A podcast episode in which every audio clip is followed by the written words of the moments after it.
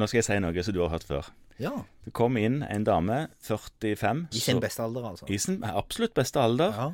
Sier jeg er altså så slapp og sliten Ja. og sover hele veien. Og jeg er helt ute av det. Ja. Dette er noe nytt. Kan vi, doktor, sjekke stoffskiftet? Og det er jo en historie jeg vil tippe du har hørt før. Det er ikke så helt sjelden. Ja, Og så gjorde vi det. Ja. Hva gjorde du da? Altså, hva jeg sjekka? Ja.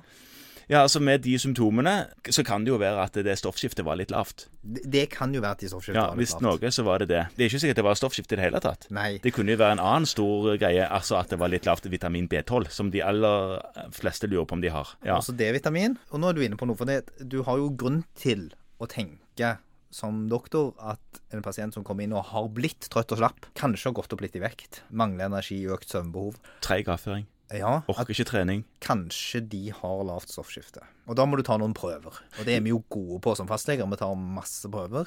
Selv om man har jo en iboende skepsis mot å ta de prøvene som andre mener man bør ta. Ja, Men her hang det på greip, da. Så Ja. det jeg gjorde, var å ta T4 og TSH, bare Ja, for å starte et det sted. gjorde du. Og det er helt riktig, for det er grunnutredning når du mistenker lavt stoffskifte. Intet mer og intet mindre. Mm. Det finnes en del tilleggsprøver, og de kan man ta hvis man får napp. Ja, for det er jo en del ting som står unna det som har med stoffskifte å gjøre, hvis man skal rekvirere på et blodprøveark. Der står, der står trass, der står Mhm. anti-TPO og sånne ting som det, men det er ikke nødvendig å ta hele bøtteballetten. Nei, og, og ved lavt stoffskifte så er det først og fremst anti-TPO vi er ute etter. Ja, og trass har jo ikke noe der å gjøre i det hele Det tatt. har ingen betydning. Men her fant vi iallfall et lavt stoffskifte. Ja. TSH.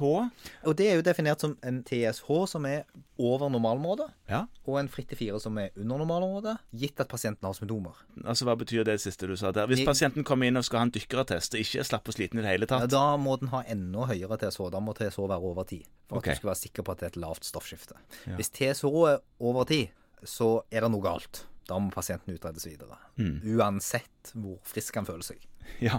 Men hvis han følte seg helt frisk, og du fant bare sånn litt forhøya TSH og normal T4, er ikke det en annen subklinisk? Det kan være en subklinisk hypotyreose. Ja. Eller så kan det jo være, som vi har snakket om før, at det rett og slett er denne her variasjonen i prøver som vi må være litt robuste på. Ja.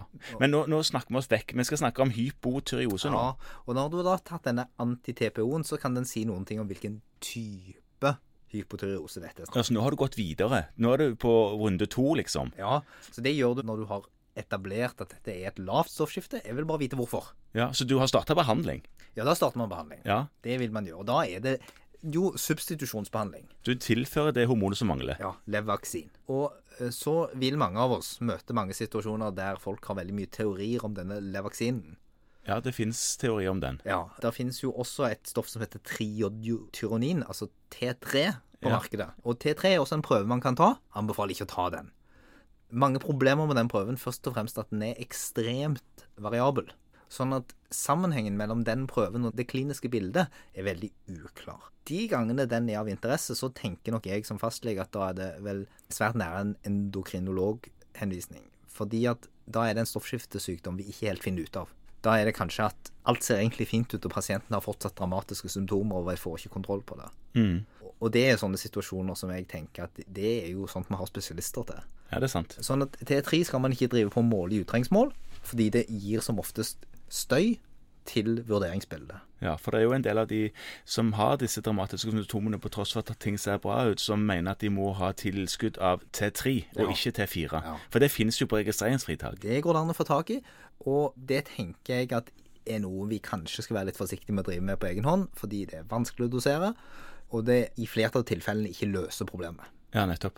Det som er vanskelig med stoffskiftesykdommer, og som også hvis du spør spesialister om det, er jo det at mange av de symptomene som man har ved lavt stoffskifte, er litt sånn diffuse, vanskelig definerbare symptomer, som også kan henge sammen med en rekke andre sykdommer. Det er sant. Og det man ofte ser er at selv om stoffskiftet fremstår ideelt regulert, og det bør man jo da følge med på, f.eks. hver andre til tredje måned med en blodprøve Ja, Den blodprøven må da tas før medisinen tas den dagen ja visst. sånn at ikke det blir påvirka av eh, dagens medisinering. Og hvis da TSH ligger der man ønsker å ha den, og det er sånn ideelt sett mellom 0,5 og 1,5, altså sånn litt i nedre normalområde, og pasienten fortsatt har symptomer, så er det viktig at man først stiller seg spørsmålet kan det være noe annet. Ja. Eh, Det går an å ha flere sykdommer på en gang. ja.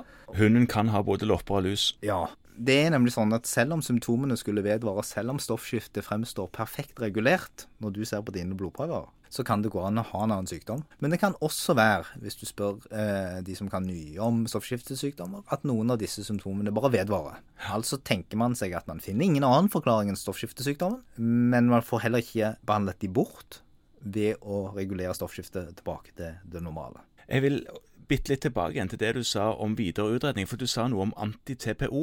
Ja. Du bare nevnte, slang ut den som at du ville vite hvilken type hypotyreose dette her var. Og så du det? hva, hva med denne anti-TPO-greien, hva er det for noe? Fordi at anti-TPO det er relatert til en autoimmun tyroiditt, en betennelse. Og den har en tendens til å kunne gå over. Ja. Og da kan stoffskiftet normalisere seg. Ja, Og det er jo positivt prognostisk sett. helt klart. Ja. Men dette her er en ganske vanlig eh, lidelse, men en Ja. kvinneoverhyppighet. Iallfall i middelaldrende kvinner, men etter hvert, når de blir eldre, så blir det mer menn òg. Ja, det ser ut som forekomsten er sånn 4 til 1, 6 til 1 for kvinner sånn tidlig i livet. Ja. Eh, Eller sånn fra du er voksen. Ja. Eh, Men etter hvert som man blir eldre, så blir det stadig mer menn. Ja. Eh, Over 80 så er det sånn 10 av kvinnene og 8 av mennene. Det er ganske mange. Virker som at det er et eller annet som svikter med reguleringen av dette stoffskiftet via Ja. denne negative feedback-løsningen til systemet, Ja. som ikke blir så bra når man blir eldre. Og så er det noe med de gravide. Ja, særlig. De kan få det fordi at eh, HCG skrur påvirker stoffskiftet. Ja, på hvilken måte da? Det kan skru det opp. Å ja. Og da kan man på en måte få et inntrykk av at det er lavt, og det er det ikke. Nettopp. De kan også utvikle autoimmune tyroiditter etter svangerskapet. Det er jo viktig, bare tilbake til det du sa om de eldre, å sjekke stoffskiftet kanskje når vi ser at det i de eldste aldersgruppene er så mye som nærmere 10 Fordi at det er veldig lett å si til gamle folk at du er nok bare trøtt og slapp fordi du er så gammel, Ja. og du har så mange andre sykdommer at det er sikkert derfor. Så det kan faktisk være at det er noe å skylde på. Ja, og det er jo veldig dumt å Ja. la en gammel, litt hjertesyk mann gå med lavt stoffskifte fordi du bare ikke har sjekket det. Samtidig som vi skal være veldig forsiktige med overdiagnostisering, så skal vi jo være nøye med å faktisk utrede de tingene. Ja, knipe det som kan knipes. Ja. Så hvis de har nye symptomer, så tenker jeg vi skal kikke på de en ekstra gang. ja.